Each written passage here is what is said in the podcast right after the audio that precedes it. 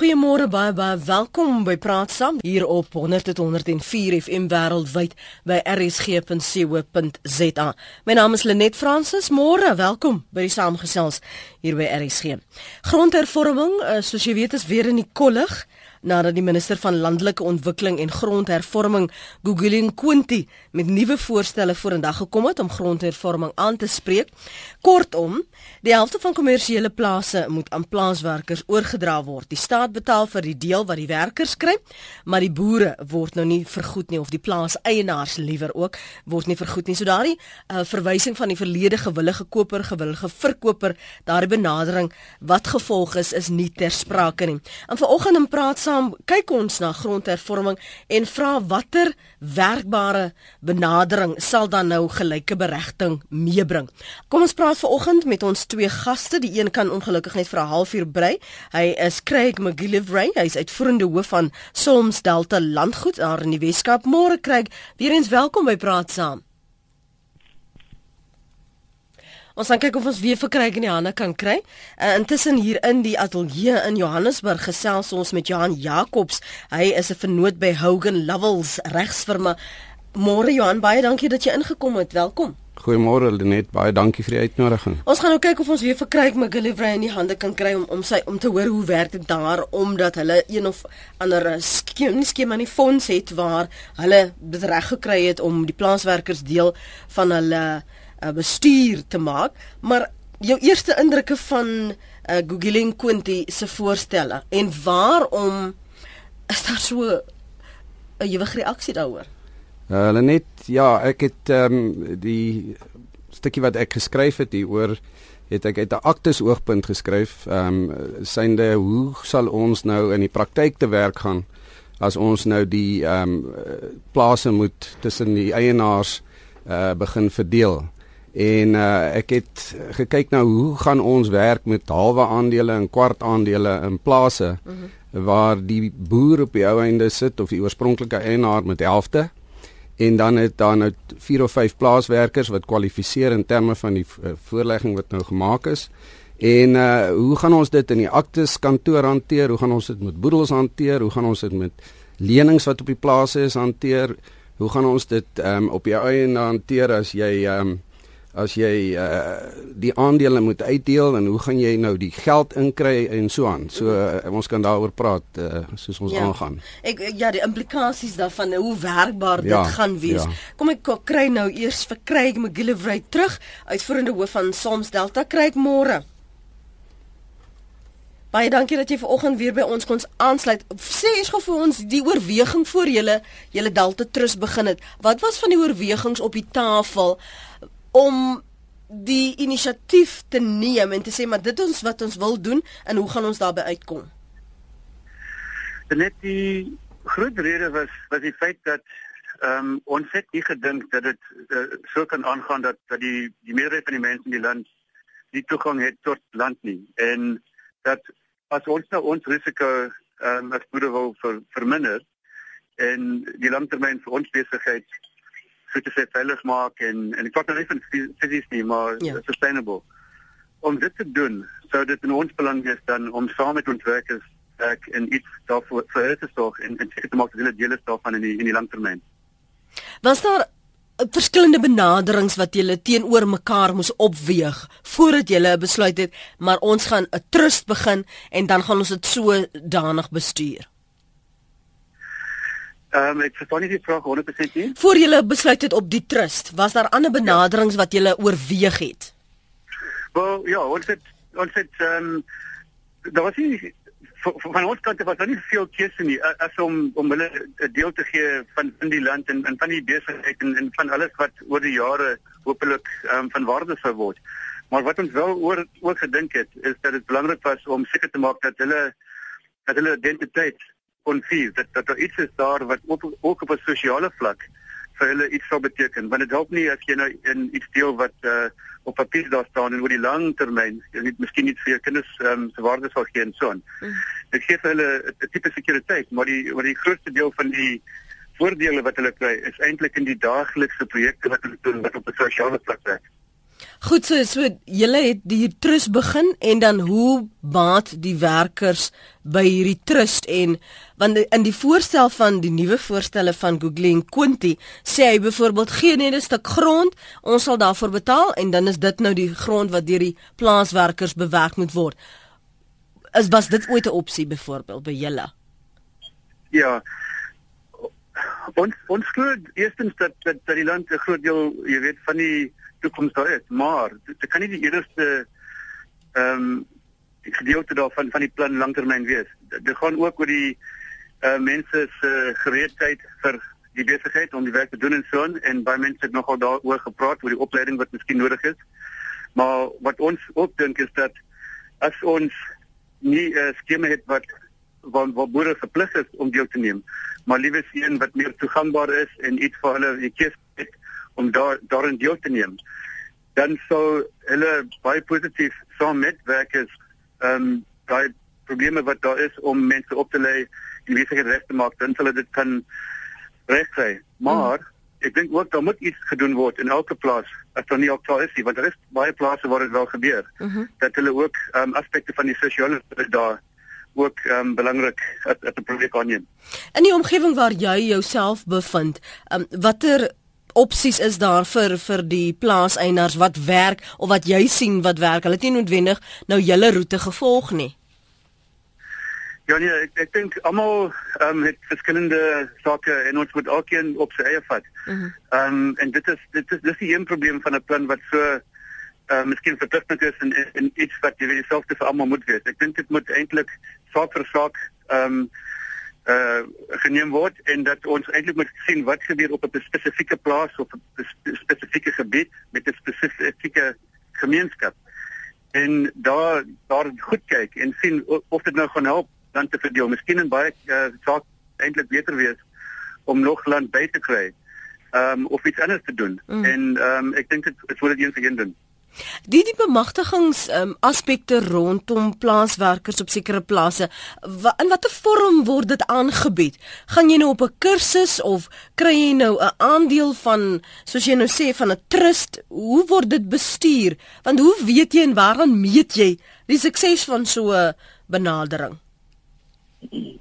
Praat jy van ons ervaring op ons Ja, plaas? van julle op julle plaas en ook dan op, op ander plase want as 'n mens almal praat so gemaklik van bemagtiging, maar ek weet nie wat waarna verwys hulle nie. Gaan gaan dit oor geld, gaan dit oor kom ek kry vir jou, gaan stuur vir jou op 'n kursus dat jy nuwe vaardighede leer of ek gee jou 'n stukkie van die plaas en daai tuin en hy grond en die huis, dis nou joune. Wat word daarmee bedoel? Ek dink 'n groot deel ehm um, dit is 'n bietjie van alles, net, maar dit gaan ook baie baie oor kommunikasie en dat jy seker maak dat mense eintlik 'n deel daarvan voel, dat hulle eintlik saam besluite neem en dat hulle weet waaroor dit gaan. Dan dan kan jy sê dat jy jy sukses behaal, want dan beteken dit vir die mense. As jy enigiets doen en die mense waarvoor dit gedoen is, nie eens bewus daarvan is nie of of verstaan nie hoe belangrik dit is nie of waarvoor dit gedoen is nie dan help glad nie. So ek dink dit is 'n bietjie van alles, die opleiding, ehm um, in ons geval het ons help dit ons gee op die gesondheidsfront op met opvoeding en en baie ander programme en so aan. Maar ek, ek dink op hulle eie as ons dit dit net vir hulle daar gesit het, sou dit nie gewerk het nie. Die feit dat hulle betrokke is, dat hulle self um, by byvoorbeeld op ons plaas self besluit het dat opvoeding nommer 1 prioriteit moet wees en so aan. Dis alles wat belangrik maak en ek dink dan dan het jy sukses dat hulle daar staan daarmee is en dat hulle positief daaroor kan praat en en besluit daaroor neem. Dis praat saam ons gesels oor die voorstelle van uh, die minister van landelike ontwikkeling en grondhervorming Gugien Quinty. Uh, Veral ons ons sê die implikasies vir boere, die implikasies vir plaaseienaars, vir plaaswerkers. Ons kyk ver oggend en as jy weet van voorstelle as ek verwelkom dit graag. Wat is werkbare benaderings wat ons moet oorweeg as om net te sê dis nog net 'n klomp nonsens. 0891104553. Jy het nog geleentheid om met Craig McGillivray Celebrate te gesels. Johan Jacobs is ook hier by my in die ateljee en hy praat ook saam. Jy's welkom om ook eh, spesifiek vir hom in te trek by jou besprekingspunte. Willem is waar in Saltrock. Ek weet nie môre. Môre Lenet. Ek het ek het 'n paar praktiese implikasies wat ek wil graag wil weet is basies. Mhm. Ehm mm um, sien nou maar daar's 'n plaas en daar's geboue op die plaas en daar's een een huis. Hoe hoe sal hulle te werk gaan om dit te verdeel? Basies ehm um, kry die persoon maar net die helfte van die grond of die helfte van die huis En dan die ander ding is wat ek graag wil ook wil weet is basies sien nou maar daar's eh, 'n uh, plaas gekoop en daar's nog skuld op die op die mm -hmm. op die plaas om af te betaal. Hoe gaan hulle dit bewerk? Ehm um, dit is net praktiese implikasies daai wat vir my baie baie moeilik is dat 'n ou dit moet daai dinge oorweeg. Dit is maklik om te sê hoor jy gee helfte van die grond. Maar wat is die praktiese implikasies daarvan? Wil hulle die helfte van die trekker sê of dit gaan dit basies maar net oor die grond? Ek sê sommer net luister oor die radio. Baie dankie. Baie dankie. Totsiens. Totsiens. Dis Willem se mening daar. Enige insigte van jou kant? Ek uh, Johan? Ja, hulle net die wat Willem daar genoem het is is juis waaroor ek ehm um, geskryf het en dit is oor hoe hanteer jy die die aandele want dis onder onverdeelde aandele. As jy 'n deel in 'n grond kry, uh, jy ek het 50 en jy het 50 dan is dit onverdeeld. Met ander woorde, ek het nie die helfte van die plaas en jy het die helfte van die plaas nie. Ons het saam die plaas.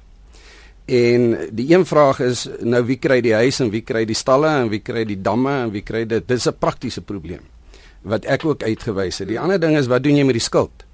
Want as die regering vir die helfte van die plaas nou in die trust die geld plaas vir die plaaswerkers en hulle betaal helfte van die skuld af, die verband af, bly die ander helfte nog oor op die grond want dis onver, on, onverdeelde aandele. Nou het jy nog nie van die skuld ontslaag geraak nie. Dis ook 'n praktiese probleem. Ek het dit uitgewys en dis die vraag wat ek gevra het. Ek is nie uh daarteen dat dit dit dat dat daar planne gemaak word nie, maar ek vra hoe hanteer jy dit as dit by ons kom in die praktyk mm -hmm. om hierdie goed uit te sorteer. Ehm um, daar daar soos ek sê, daar's ook uh as as as een van die eienaars sou afsterwe, uh, die boer sterf af uit vier kinders. Ehm um, nou in die tot nou toe en nog seker vir 'n rukkie tot die wet geskraap word. Ehm uh, mag jy nie jou uh, meer as een persoon hê wat die plaas besit nie. Nou gaan jy vier kinders by die boer hê en uh agt plaaswerkers so jy het 'n magtom mense wat nou moet deel in die in die werk op die plaas en die en die geld in in hmm. plaas vir vir ontwikkeling en en dit is 'n probleem. En dis wat ek ook gesê het hoe gaan ons dit hanteer? Ja ek dink dis miskien hoe kom hoe kom kyk wel na die praktiese benadering wat werkbaar is in in as 'n mens dan nou sê jy gaan hierdie roete volg. Terugkom na jou toe voor ek jou moet groet. Ek weet jou tyd is beperk vir oggend kyk waardeer.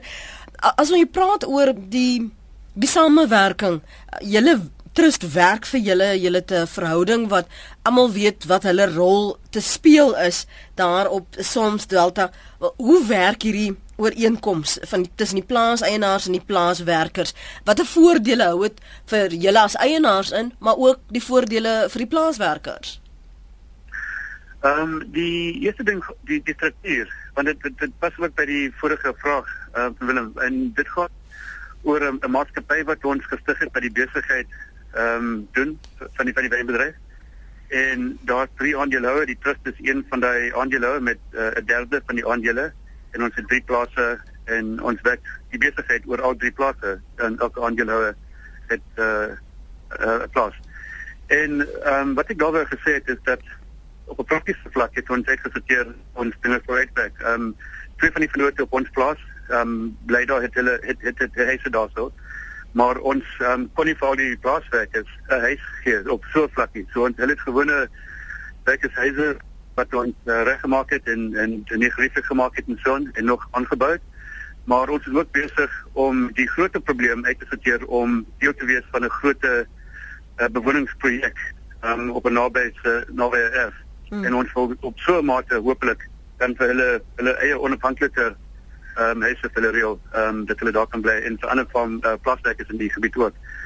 So dis op die een die een ding. Ehm um, die, die die manier waarop dit wat dit vir ons werk is dat ons goeie ehm um, strukture het, dat ek dit so kan noem. Dit klink baie formeel, maar dit is eintlik nie so nie, maar ons ontmoet um, baie gereeld met die inwoners, um, soms in die aande want maak soms is as hulle besig is in die dag, dan wag ons tot so half 8 in die aand en kom ons by mekaar by die restaurant en sit in 'n sirkel en ons praat oor enige probleme en dit is baie groot besluite wat eintlik met die besigheid impak het. Mm. En praat ons saam met hulle daaroor want want dit is ons moet gemeenskap wat ons met by of saam werk in die op die plaas. Mhm.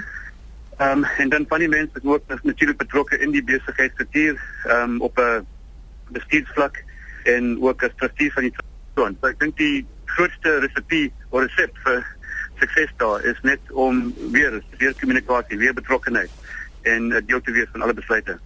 Is, is daar 'n geldelike um, voordeel vir plaaseienaars? Ekskuus vir die plaaswerkers? Wel, uh, ja, vir die, vir die plaaseienaars is dit iets lang langtermyn. Dit kos ons meer in uh, uh, ja, weet op op hierdie standpunt is dit is dit nou baie meer wat eintlik van kos. Mm. Maar ons glo dat die langtermyn dit die moeite werd sal wees. Maar ehm um, vir die plaaswerkers Daar is baie voordele. Daar is mense wat 'n spesifieke presentasie het nie, dis 'n gemeenskaplike trust. En ehm um, die voordele wat hulle kry om uit die reeks program wat ons het. Ek het nou vroeër gesê daar's opvoeding, so daar's 'n crash op die plaas. Hulle kinders gaan almal skool toe, by 'n skool, 'n goeie skool. Ons gee hulle help uh, na met naskoolse aktiwiteite en ook ehm um, na dat hulle klaar gestudeer het om aan 'n uh, weer te studeer na skool en so aan. Ehm um, dat dat 'n uh, program op die gesondheidsfront waar ons help om siektes te voorkom en dan ook uh, 75% van hulle koste te betaal. Mm. En dat was was 'n hele ander projek, ook 'n baie groot musiekprojek op die plaas. Maar op die ouend is dit goed dat hulle ook betrokkenheid het met die besluit om dit te doen. Uh, byvoorbeeld ek het vroeër gesê dat die opvoeding was hulle eerste keuse. Hulle wil almal baie graag hê dat hulle kinders 'n goeie opvoeding kry. En ehm um, hulle besluit dan om om dinge te doen wat vir die gemeenskap as 'n geheel belangrik is om uh, in plaas van iets wat vir een persoon reg sal wees. Ja. Miskien in die langtermyn as ons baie sukses behaal het met al ons projekte op 'n gemeenskaplike vlak, dan sal ons iets kan doen op 'n persoonlike vlak. Maar op die oomblik is mense dan goed betaal in hulle poste by die werk en dit ook um, 'n manier waarop hulle beter daar kan verdien as hulle baie goed presteer en so aan. Ek wil gehoor wat het Jacques op die hart. Hy's op Beaufort West, môre Jacques. Goeiemôre Lenet, gaan dit daar? Goed, dankie. Goed, dankie. Ag, weet julle net, ek wil graag miskien net 'n bydrae lewer um, as as ou departement lid waar ek te doen gehad het met uh, spesifiek landboukrediet aangeleenthede asook onlangs met grondsake waar uh, ek baie aansoeke ontvang het vir die koop van grond en dan het ek gaan sit met van die van die jonger boere of noem dit die omkomende boere setup en ek het vir hulle probeer verduidelik die ekonomiese haalbaarheid al dan nie om te boer. Mm. En in sommige gevalle is die netto-effek negatief geweest. En sodra jy daardie aspek vir hulle gaan uitwys, dan besef die ouens, "Sjoe, maar is ek noodwendig finansiëel beter af?" Verder meer eh, dink ek daaraan net dat as 'n mens die die opset gaan verdeel in terme van die Karoo versus dalk meer intensiewe areas, kan jy dalk in van die intensiewer areas sê, "Goed, die ekonomiese haalbaarheid daarvan is is is is beter." Uh terwyl as jy in die Karoo opset gaan kyk waar waar jou kostes in terme van droogte so fenomenaal is, dan is daar soms nie 'n netto effek nie. So my vraag is dan net uh as ons gaan kyk na herverdeling van grond uh en ek haal die politiek daar uit, is ons nie besig met eerder herverdeling van rykdom nie. Dan sê ek as ons 'n plaas van 5 miljoen rand koop, kom ons gee vir elke lid as daar 5 lede is 'n miljoen rand en en bestuur dit reg en éventueel oor tyd sal hy finansiëel beter daaraan toe wees. Verstaan wat ek mm, sê? Ek ek verstaan wat jy sê en en, en dit klink vir my asof dit dat die die die die deurmekaarheid kom in want mense stel die twee gelyk aan mekaar en dit is nie noodwendig so nie want die dit wat jy die geld gaan kry en dit wat jy die grond gaan kry is nie altyd dieselfde antwoord nie. Korrek, net weet jy en en ek wil vir jou sê ek het ek het met hierdie mense gesit, dan kom sit daar 10 ouens by my wat wil grond koop. En en dan sê ek ouens goed, so werk dit. Dan as die, as hulle besef maar hulle moet dalk inbetaal op 'n sekere tydse van die jaar want in boerdery werk dit so. Daar's nie elke maand 'n volhoubare bron van inkomste van 30, 40000 rand soos wat baie mense dink nie. Die meeste boere daar buite se bankbalanse is oortrokke. Hmm. Die graanboer is baie keer 3, 4 jaar oortrokke net om 'n oes in die 4de jaar te probeer verseker as dit gaan gebeur. Verstaan ons mense daar buite dat om grond te hê nie noodwendig altyd so voordelig is nie. Dan sê ek gee liewer vir die oue kommersiële stuk eiendom wat hy 'n vaste huurinkomste per maand kry en op daardie manier het hy eiendomsreg wat meer volhoubare inkomste gaan voorsien. Ek het vele projekte uh, meegedoen aan waar waar dit tans uh, geen ekonomiese voordeel ingehou het nie. Ek sê altyd vir die ouens, die staat en ek en ek lig die staat hier uit en ek lig die politiek weer hier uit. Ons gee vir 'n oue kar sonder 'n sleutel. Daar's die petrol in die karry. Daar sit nou in Beaufort projekte waar ouens grond besit waar hulle dit nie vee nie. So ek ek verstaan die mentorskap kwessie, mm. maar waar ons moet kom dat ons vir ouens grond gee, kom ons doen dit op 'n manier wat dit ekonomies volhoubaar is want as ons wil stemme wen, Is daar an, en ek sê nou bring ek die politiek terug. Is daar ander maniere om dit te doen? Maar maar maar mense landbou is die ruggraat kern van ons land. So as ons dit gaan skade doen, dan voorsien ek regtig groot probleme. Baie dankie vir jou bydrae daarso uh, Jacques. Uh, is 'n luisteraar wat sê, ehm um, byvoorbeeld ek wil jy moet daarop reageer. Uh, Craig, hy sê dit kan goed werk op groot plase soos Solomsdelta, maar 'n uh, skaapplaas byvoorbeeld in die Noord-Kaap oorleef net 1 jaar onder en die 1 jaar speel jy net uh, gelyk. Ehm um, daar's nie geld vir nuwe voertuie en luukse dinge nie. Hoe wil mens nog die helfte dan wegneem? Daar is baie boerderye wat dit nie sal kan oorleef nie. So dit hang af van hang dit af van die grootte of of ehm um, moet ons ander oorwegings hierson ag neem of na aanleiding van wat die luisteraar sê kry. Ehm um, ja, ja, ek ek sien saam. Dit dit dit hang heeltemal af van van wat jy ehm um, besit wat jy het mm. om mee te werk in ons geval het ons miskien meer geld as die, die boere langs aan ehm um, en kan iets doen wat uh, iemand anders nie kan doen nie. So dit, dit dis hoekom ek vroeër gesê het dat ons dit op 'n saak vir saak basis moet vat. Dit kan wel wees dat in sekere gevalle dit nie ehm um, baie aantreklik is om vir, vir mense verantwoordelik land te gee en net so Jacques gesê het dat dat hulle miskien daar sit met skuld en ander goed wat wat nie eintlik vir hulle uh, goed is nie. Ja. En ek dink ons moet verantwoordelik saak vir saak daardeur werk. Um, ek dink ek, ek ek hoor hoekom hy sê miskien gee hulle iets anders kommersiaal wat miskien ook ehm um, iets geld dan hulle verdien en so. Ek dink die, groot probleem wat ons het, ons praat ook van 'n gemeenskaplike probleem. Daar's mense wat op land lewe wat wat vir jare daar geleef het en en daar groot families en mense daar baie betrokke en so. En ek dink daar moet 'n manier wees om hulle betrokke te laat wees maar op 'n verantwoordelike manier. Ja, voor jy gaan nog net ek wil weet ehm um, Johan wil gekommentaar liewer na aanleiding van wat Jacques gesê het. Uh Lenet ja, ek um, wil ook net uh, aanraak wat Kryk gesê het. Ek hy het, hy het gepraat oor spesifieke plase. Nou ek is bewus van in areas soos die rietplase daar in Pongola en daai gebied het hulle spesifieke reëlings gemaak want dis intensiewe boerdery wat daar plaasvind en hulle het reëlings daar gemaak. Nou het jy 'n skaapplaas in die Karoo waar jy 10 20000 hektaar nodig het om op te boer. Uh en jy dan die wynplase wat omtrent die analogie is seker tussen hulle en in 'n in 'n suikerrietplaas want dis baie intense boerdery. Maar die waarde van 'n plaas stem ek saam lê nie in die grond nie. Die as jy die grond gekry het, het jy nog net die grond, die stof jy moet ploeg, jy moet plant, jy moet beeste koop en die probleem wat ek uitgewys het met die plan is ek het nou die helfte van die plaas. Kom ons aanvaar. Ek is ek het die helfte in in my plaaswerk het die helfte. Die geld gaan in 'n trust in. Die trust word beheer deur die regering. Ek sit en kyk en ek sien oor 'n week gaan dit reën. Ons moet nou ploeg. Ek moet dit 10000 liter diesel hê en ek moet die trekkers aan die gang kry en ek sit my geld in. En ek sê vir my vernoot ek soek nou jou 500 000 vir al hierdie goed wat ons oor 'n week moet doen. Nou moet ons in die praktyk daarvan, is waarvan ek praat. Mm. Nou bel ons die regering se verteenwoordiger en sê luister meneer, ons soek oor 3 weke 'n half miljoen of oor 'n week 'n half miljoen rand want ons 'n vensterperiode om en ek is nie 'n boer nie, so ek mm. aanvaar nou as dit gaan reën moet jy ploeg. En hulle sloer. Ons kan nie koop nie. En nou wat gebeur? En ek dink dis goed waaraan Jacques geraak het. Kry hulle praat oor heeltemal ek het hulle webwerf gaan kyk. En, en ek gaan nou nie daaroor tyd mors nie, maar mense moet gaan kyk op hulle webwerf. webwerf. Hulle het 'n spesifieke tipe manier gehad waarop hulle hierdie hele besigheidstransaksie gedoen het. En mense kan by hulle leer. Ehm um, maar die praktyk van waarmee ek gewerk het, as ek net kyk en daar's baie wetgewing wat al oor hierdie ding handel en en dit gaan nog voortgaan. Maar die praktyk waarmee ons sit is spesifiek spesifiek waarna hulle nou raak. Daar's nie waarde in die grond per se nie, daar's waarde in wat jy op die grond doen. Mm -hmm. En hoe gaan jy dit hanteer?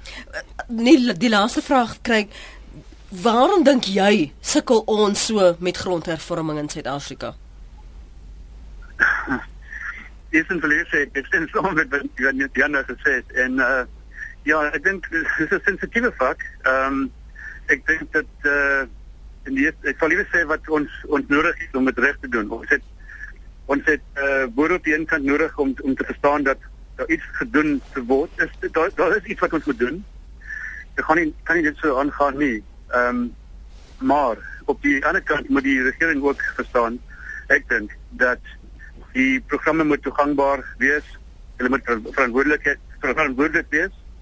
En ehm um, dis dis gaan 'n goeie getal vir hulle wees want net soos Jan nou gepraat het, dit moet uh, prakties wees en dit, dit moet op 'n saak vir saak basis gaan. So dit is nie net um, one size fits all, jy weet. Mm. Dit, dit gaan baie um, werk vat van mense wat eintlik beskikbaar is en wat uh, baie slim werk met met al die mense wat betrokke is om om iets reg te kry in elke spesifieke saak. Dit is 'n groot taak. En ek dink daar's daar's nog baie werk wat gedoen daar moet word. En ek dink die groot ding is om om prakties te wees en nie ehm um, te ver daarvan af te gaan nie. Craig baie dankie vir jou beskikbaarheid vanoggend. Sterkte daar met die werk wat jy op Solms Delta doen. Dit was Craig McGillivray, hy's uitvoerende hoof van Solms Delta. Hy het spesifiek gepraat van hierdie gemeenskaplike fonds trust liewer, die Delta Trust wat hulle begin het, um, as 'n wyse as 'n benadering om grondhervorming te hanteer en te bestuur. Uh, ons praat vanoggend oor grondhervorming. Dis weer in die kollig. Minister van Landelike Ontwikkeling en Grondhervorming, Gugulin Quinty, het het met voorstelle uh, voor 'n dag gekom om uh, grondhervorming in Suid-Afrika aan te spreek. Almal is dit eens, dit moet bespoedig word, maar wat beteken dit as ons sê gelyke beregting? Wat beteken dit? Wat is werkbaar? Wat is prakties? Wat het ten doel dat almal bevoordeel word. Ehm um, ongeag of jy die plaas eienaar is, ongeag of jy die plaas werker is. Wat werk, wat kan werk, wat werk glad nie in die verlede het ons die benadering gehad van 'n gewillige koper, gewillige verkoper. My ander gas hier wat nog uh, saam met ons gesels tot 9uur is Johan Jacobs, hy's 'n vernoot by Hogan Lovells regsfirma en hy deel sy praktiese implikasies as hy nou die ontleding doen. Miskien dan vir diegene wat tegnies is, moet ons sê dit is die reaksie op hierdie uh, voorstelling. Uh, van die ANC die resê dit is nog nie deur hulle ehm um, hulle is nie geken in die saak nie. Dit is voorstelle wat die ministerie van landelike ontwikkeling en grondhervorming nog nie kom verduidelik het nie. Um, daar is ander kinders wat sê dis teenstrydig met die nasionale ontwikkelingsplan. Ander wat sê ehm um, dis nie grondwetlik nie. Dit sal nie die toets van grondwetlik reg eh, slaag nie. En, en dis die konteks waarbinne ons gesels. Ons sê nie net ja, dit kan nie werk nie of dit kan werk nie. Ons sê maar nou hoekom nie en watter ander opsies is daar? Ek wil dieselfde vraag gou vir jou vra sodat dit die begin die wegspringpunt is van van die ander goed wat ons nou ontleed. Hoekom sukkel ons dan so met grondhervorming, Johan? En hoekom was hierdie gewillige verkoper, gewillige koper dan nou nie die antwoord nie? Ja, dis 'n moeilike een om te antwoord vir 'n aktevervaardiger van Santon. Ehm um, hoekom het dit nie gewerk nie?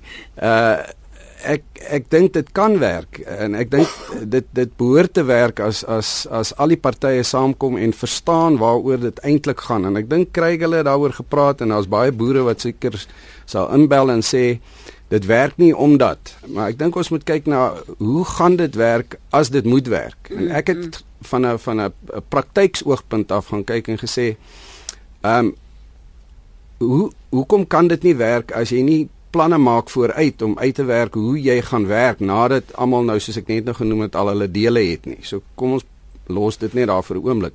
As mense gaan kyk na Kruigel en hy het nou net ongelukkig nie genoeg tyd gehad nie. Mm. Maar as mense gaan kyk hoe hulle gewerk het en en ek wil nou nie sê ek het gelees hoe hulle hulle planne gemaak het en as ek verkeerd is kan hulle later dan nou maar net regmaak waar ek nou verkeerd is, maar elke boer daar die die die die families was is die Solms familie en die Astor familie het elkeen 'n plaas gehad langs mekaar. Toe hulle glo ek 'n derde plaas gekoop want dis wat wat ek lees. Die derde plaas het hulle in 'n trust geplaas vir hulle werkers. Die werkers besit daai plaas, maar dis 'n trust wat daai plaas besit. Of 'n maatskappy, maak nie saak nie, maar daar's een eienaar, die trust. En dan is daar begunstigdes in daai trust. En dan het hulle eh, glo ek en en dit lees mens nou nie daar nie 'n maatskappy seker aan die bokant wat die drie plase nou bestuur. Mm. En daai maatskappy sit almal by in die oggende en hulle drink koffie en hulle bespreek hoe gaan ons boer oor die volgende en hulle het seker genoeg fondse om daai proses te doen want ek hulle sê hulle het hulle eie plase beswaar ten einde die derde plaas te koop. So daar was 'n plan. Mm -hmm. En jy vra hoekom werk dit nie? Mm -hmm. Dit kan werk as jy 'n plan het. En dit wat die ander ding is wat wat hy belig het is hulle het gesprekke gehad met die plaaswerkers om te vra wat is die behoefte? Ja. Hoe gaan dit werk? Hoe gaan ons almal hier voordeel trek? En die die ding wat belig is, die behoeftes was ons wil hê dan moet onderwysgeleenthede wees. Ons wil hê dan moet vaardighede wees. Ons wil hê dit en dit en vir kindersorg. So daar was soos jy nou ook regs weer eens sê, daar was 'n plan sodat ek nie vir jou as die plaaseienaar besluit dis hoe dit gaan werk en jy gaan dit maar net so aanvaar nie. Ja, as jy vat hulle as ek reg verstaan het hulle 200 arbeiders uh op daai plaas. Ek ek ek weer eens, ek weet nie as hoe oud die webwerf is nie, maar ek ek neem aan hy's op op datum. Hulle het 'n groot getal mense gehad waarmee hulle gewerk het. Die prakties die praktiese probleem is as ek net twee werkers het. Nou en hulle het elkeen net een kind. Ons kan nie so verskriklike plan maak met hmm. twee werkers en elkeen met een kind nie. Ek wil dit is 'n baie kleiner getal mense, maar ons praat oor 'n groot plaas waar daar net 4 mense is. En dis waar die praktiese probleme inkom. Daai spesifieke soos soos Craig sê jy moet met die spesifieke werk van elke plaas. Ja. Uh gaan nie noodwendig werk waar jy nog 'n plaas koop vir twee werkers en dan 'n uh, groot maatskappy stig en al daai onkoste aangaan nie. Uh dis is spesifiek vir hierdie particular uh, uh spesifieke tipe plaas. Uh, sê nou maar daar's net twee werkers mm -hmm. of daar's net een werker. So elke plaas het sy eie storie. Ehm um, as ek weer teruggaan na jou suikerrietplase in Natal, ek bedoel hulle het seker hordes mense wat by hulle werk want hulle moet kap en hulle moet oplaai en hulle moet aanry. Uh dis weer 'n ander tipe probleem. So die vraag is hoekom het dit nie gewerk nie? Is ek dink daar was nog nie daar was 'n oorhoofse plan. Luister, die mense moet regte kry en hulle moet deel. Maar jy kan deel in baie maniere anders as in die grond en dis waar ek vandaan kom. As jy die grond begin onderverdeel of begin regte gee en en die wat hulle noem die unintended consequences van dit is waar die probleme in die toekoms vir ons kinders gaan lê nie nou nie. Uh, maar ons sit nou met 'n spesifieke probleem wat ons moet aanspreek en uh ek dink dis waar ons begin. Die minister het dalk net die klip in die bos gegooi en gesê luister, daar is nou al planne gewees en hierdie planne het nie gewerk nie. Uh, kom ons kyk nou as ons hierdie klip in die bos gooi, hoe wat kom daar uit? Wat groei daar uit? Mm -hmm. Want nou, ons praat ten minste nou ja, weer daaroor. Ja, ons praat ten minste weer daaroor. En en ook die die die oortuiging dat niemand ontken dat dit nie aandag moet uh, kry nie. Niemand ontken dat dit nie bespoedig moet word nie, want ons het gesien die gesloer um van van boere se kant en dan ook van af die regering se kant waar hulle soms grond net gekoop het en is dis net daar en niks verder het gebeur nie. So jy wil ook nie daai jy het net oor die scenario van die administratiewe take van oor 'n week het ons soveel geld nodig maar ons kry nou nie die beampte byvoorbeeld ja. in die hande nie. So ons wil wil nie daardie soort situasie en die Dion is in die Ooskaap. Dion praat gerus saam môre. Hallo hallo goeiemôre.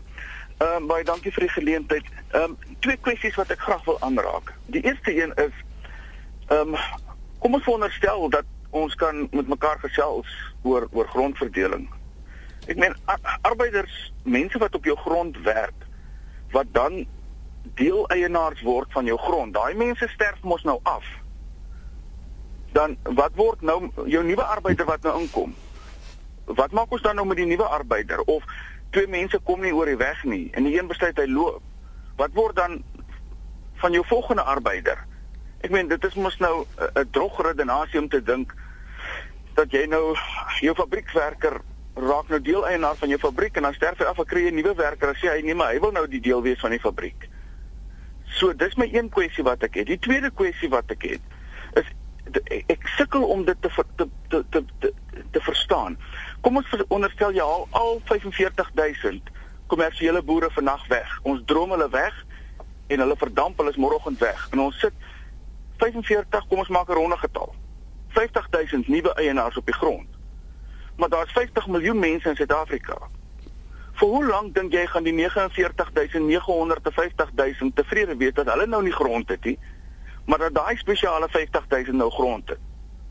En as daar 'n nuwe bedeling en haal ons nou daai 50 af, was dit of die ander 50, maar daar's nog steeds 49900 wat geen grond het nie. Ek meen dit is mos 'n droog redenasie om te dink dat so 'n stelsel enigsins 'n werkbare stelsel is. En ek sou graag wil hoor as daar nou slim mense is wat vir my kan verduidelik hoe so iets werk. Goed. Dankie vir die saamgesels Dion. uh, Christa de Beer tweet: "Wat hou die grondhervorming vir plotte in en wat as daar lewensreg of vruggebruik op die grond is?" Dan sê Hans Dimas tweet: "Die werkers gaan onder mekaar beklei want die een se deel gaan beter grond as die ander kry." Dan sê 'n nog 'n persoon lyk like my dis my naamgenoot. Grondhervorming moet gedoen word in die lig van die regte van die khoikhoi en die sanmense en hulle nasate. Ons praat oor wat is die benaderings wat ons kan oorweeg wat is werkbaar en die praktiese implikasies daarvan. Johan Jacobs is 'n vernoot by Hogan Lovells regsfirma En as ons nou praat oor want dit is een van die kritiek wat genoem word, die verwysing dat dit teenstrydig is met nasionale beplanningskommissie, 'n plan dat dit nie eers grondwetlik is nie, dis teenstrydig met die grondwet en dan die kwessie van dit kom net neer op onteiening. Uh net ja, ek wil net gou-gou die vorige ehm um, uh, oproep was met betrekking tot uh as jy sterf. Dis een van die uh sake wat ek uitgewys het. Dis 'n groot praktiese probleem waar kom ons neem net gou weer die voorbeeld. Daar's net een werker hy kry helfte van die van die plaas is nou die maklike voorbeeld en hy sterf af. En hy vier seuns en die een bly in Australië en die een is in 'n uh, ander wêrelddeel die ander een is 'n ouditeur en die ander een is 'n prokureur en niemand wil boer nie. Ja. Uh, wat doen jy met daai persoon se halwe aandeel? Um, nou kry vier mense wat nie wil boer nie helfte van die plaas. En hoe hoe nou gemaak dis 'n praktiese probleem. Ek het dit uitgewys en dis iets soos ek gesê daar moet baie nog gedink word en geskryf word oor oor daai probleem. Die ander vruggebruike is maar soos 'n verband oor 'n eiendom. Ek bedoel hy het 'n preferente reg, so mense moet daar ook mee werk. Jy kan dit nie net wegdink nie. Dis 'n geregistreerde reg ten gunste van iemand wat al jare kom. Ehm um, onteiening is is ek dink die vloekwoord van van van alle van alle eiendomme en dit is nie net op plase nie maar enige ander plek en die vraag is Wat is onteiening? Dis om te vat sonder om daarvoor te betaal. En hierdie voorstel kom daarop neer dat daar word betaal daarvoor, maar die eienaar van die grond kry nie die geld nie. Dit gaan in 'n trust in, in 'n trust in. En dis waar ek 'n voorbeeld noem, sê nou maar die plaas is 5 miljoen, die helfte daarvan is 2.5 miljoen, 2.5 miljoen gaan nie na die eienaar toe nie. So inderdaad, jy kan dit nou maar inkleer soos wat jy wil. Jy word nie betaal daarvoor nie. En as dit onteiening is, dan kom dit daarop neer. En daai 2.5 miljoen word gebruik vir die plaas se ontwikkeling en vir betaling van die persoon wat die voordeel daarvan het. En en dan ekstrapoleer jy dit nou van daar af soos ek net nou die voorbeeld gegee. Nou boere ons saam en jou geld lê in 'n trust en my geld waarvoor ek nie geld gekry het nie, boer ek nou saam met jou. Dis praktiese probleme. Ek dink is weer eens 'n klip in die bos en kom ons kyk hoe ons dit gaan doen en wat gaan werk en wat kan nie werk nie. En dan is ons weer terug na daai spesifieke plase, spesifieke probleme en uh, en 'n mens moet dalk 45000 vergaderings hou om seker te maak hoe of daar's eintlik glo ek nou 36000 boere oor in die land. Mm. Ehm um, so ja, dit kom daarop neer dat dat dat dat daar uh, onteiening sal wees want jy word nie betaal daarvoor nie.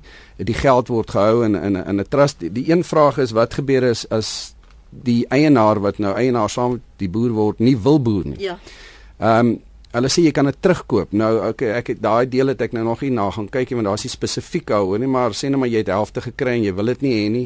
Ehm uh, dan koop jy jou eie helfte nou glo ek terug van die persoon wat nie wil saam met jou boer nie en jy het weer jou hele plaas, maar die ander geld wat jy moes gekry het oorspronklik. Ja behoort nie aan jou nie. Die die die hierdie um, beleggings en ontwikkelingsfonds. Nou hoe gaan dit werk? Is dit nou soos ook 'n gemeenskaplik of 'n kollektief waar alles nou ingaan of het elke plaas een ding? Hoe word aangewend? Ja, dit sal glo ek glo elke plaas sal met sy eie daar sal fondse binne die groter fonds wees wat sê Lenet se plaas is want kyk jou plaas is 10 miljoen rand werd en my plaas is net 5 miljoen rand werd. So helfte daarvan verskil. So dan moet hmm. meer in jou trust fonds wees as in myne uh synde jou plaas is dalk meer ontwikkel en hy het meer insette nodig.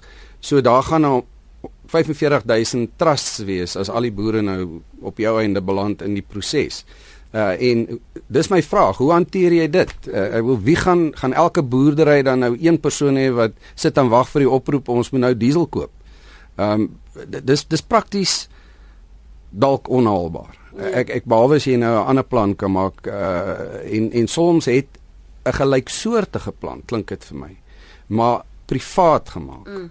Uh en dis hoekom ek sê daar kan daar moet gewerk word daaraan, maar jy moet dan kyk na iets wat werkbaar is mm. en en en hierdie is dalk net die begin. Weet weet jy van ander as ons nou vir Soms Delta uitsluit waar dit werk waar boere en, of plaaseienaars en plaaswerkers gesamentlik voordeel trek. Weet jy die enigste deel wat ek weet daar daar groot werk aangemaak was en ek weet nie wat die uitkoms daarvan was nie was in die Pongola gebied met suikerriet.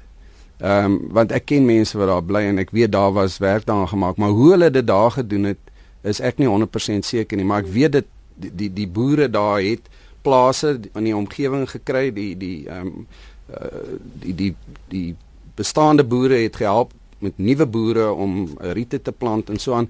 Uh dalk kan iemand van daar af vir ons sê of dit werk en of dit nie werk nie, maar dis al wat ek van weet. Onthou nou ek is ek is nie Jy het gesê ek ek, ek, ek, ek woon in die stad. ek onthou nou. Kom ons hoor gou wat het so op die hart môre sooi? Môre Lenet, môre. Kom ek sê die die ding is vir my, ek dink wat die mense baie keer mis is ons het swart boere in die land. Daar is wat baie suksesvolle swart boere is. Maar hierdie hele nuwe gedagte wat op die oomblik die debat vorm wat nou gepraat word, is iets wat ek met redelike oortuiging kan sê se kans op oorlewing en sukses nul is.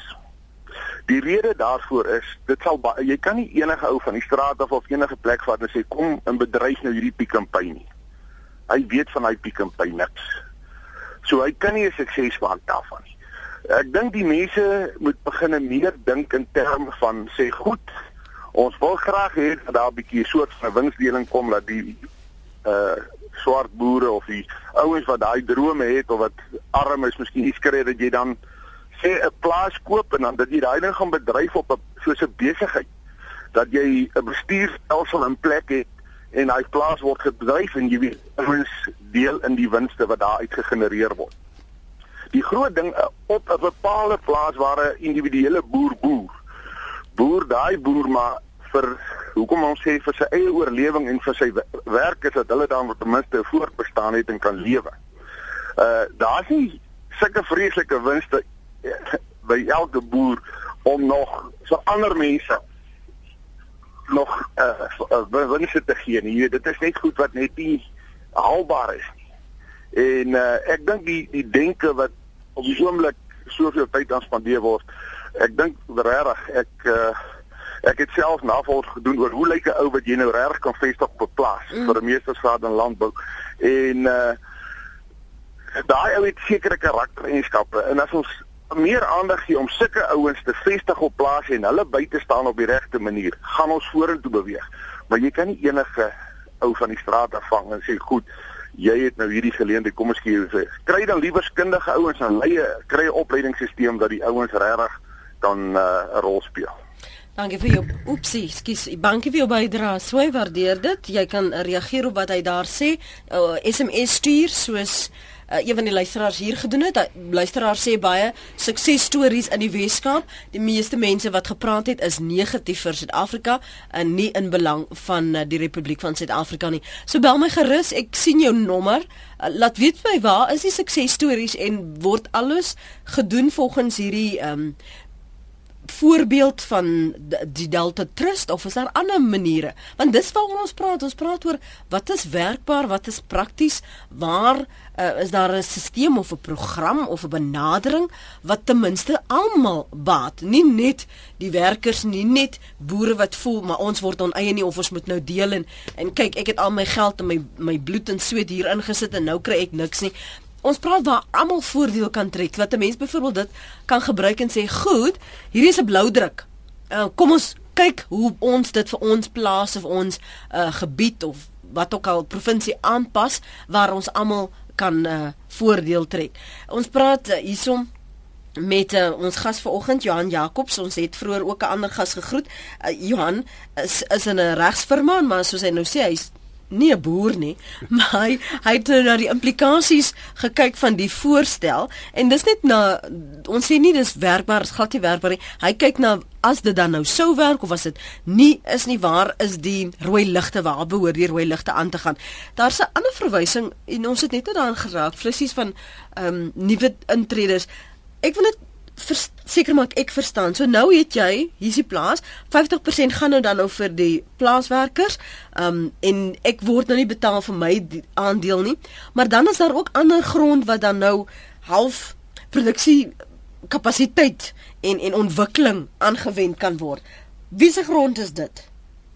Ehm um, ek is nou net nie met jou die die dan word verwys na nog ander grond wat deel is van ontwikkeling en produksiekapasiteit vir vir nuwe intreders byvoorbeeld. Is, is dit nou ook nog deel van my plaas of is dit nou ander grond wat Gugiling kon nee, vooruit? Dit is ander grond. Ehm um, ek ek wil nou nie Engels praat nie, maar daar's daar's 'n hele reeks uh, uh policy dokumente waarvan hulle praat. Daar's die Farm Workers Equity Scheme wat in 1996 begin is. Daar's die uh, Land Tenure and Security Proposals onder daai hierdie is eintlik 'n ondervoorstel aan 'n bestaande uh, polis do, policy dokument ja. wat bestaan op die oomblik. So daar is al plase wat hulle hulle het hierdie ehm um, hulle het dit genoem agricultural uh, operating companies. Mm -hmm. So daar is al plase wat wat bestuur word en en en bedryf word onder die onder wat al kom van 1996 af vorentoe. Ja. Uh, ek is nou nie daarbey betrokke nie, maar daar moet wees en daar is sekerlik goed wat al klaar bestaan wat daar plase is wat behoort aan mense wat deur die regering gekoop is vir vir die bedryf van plase. Uh so hierdie hierdie spesifieke dokument waarna ons nou kyk wat nou al wat nou weer die hele proses begin het. Ehm um, jy weet is as 'n mens nou vat hoe hoe hoe gaan hierdie hierdie werk teenoor waar jy jou eie plaas bekom en ek dink dit is waaroor meeste van die gesprekke gaan is kan jy saam boer en as jy saam boer wat is die beste manier om saam te boer? Mm. en a, as dit gaan werk hoe gaan dit in die praktyk werk? Nou ek kom van die punt af ons kry nou die instruksie hierdie plaas ehm um, kom kom ons kyk net na wet 70 van 70 wat nou al kom van hoekom is daai wet op die tafel geplaas en goedgekeur daai jare? En ek was nog 'n student in 1970 maar kom ons aanvaar in daai tyd het die boere hulle plase onderverdeel en onderverdeel soveel kinders wat lê het so uit elkeen 'n stukkie plaas gekry. Op die ou einde het die regering besluit luister dit gaan nie werk nie dis nie haalbaar nie. Hierdie hmm. plase kan nie so klein wees dat jy nie daarop kan boer nie. Uh kom ons stop dit en ons maak ons ons ons het hierdie wet en dis die wet wat nou al kom vir jare en jare en die doel van daai wet was jy kan nie 'n plaas so klein opsny dat niemand daarop kan lewe nie En my vraag was net is ons nou nie besig om nou net te sê want daai wet met die met die minister nog net afteken dan sy geskraap. Ehm um, as ons nou hier kom, gaan ons nou nie terug na om plase wat jy nie kan opboer nie omdat dit of te klein is of dit is nie haalbaar vir meer as een mens om op te werk nie en dis die probleem wat ek gesien het. Ek is nie negatief daaroor nie. Ek sê net kom ons kyk wat het die geskiedenis gedoen.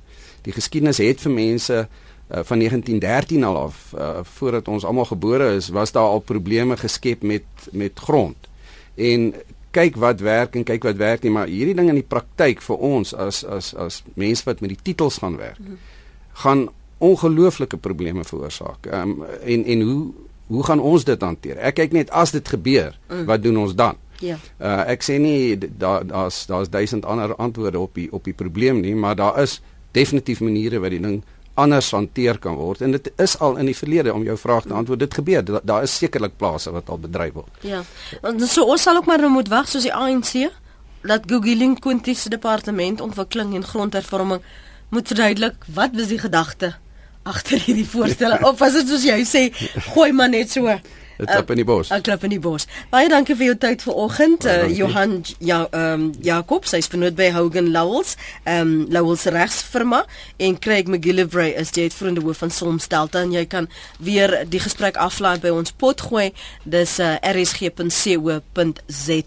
Dankie vir die terugvoer en die saamgesels. Ons het nie altyd al die antwoorde nie, maar die belangrikheid is dat ons ten minste die gesprek het.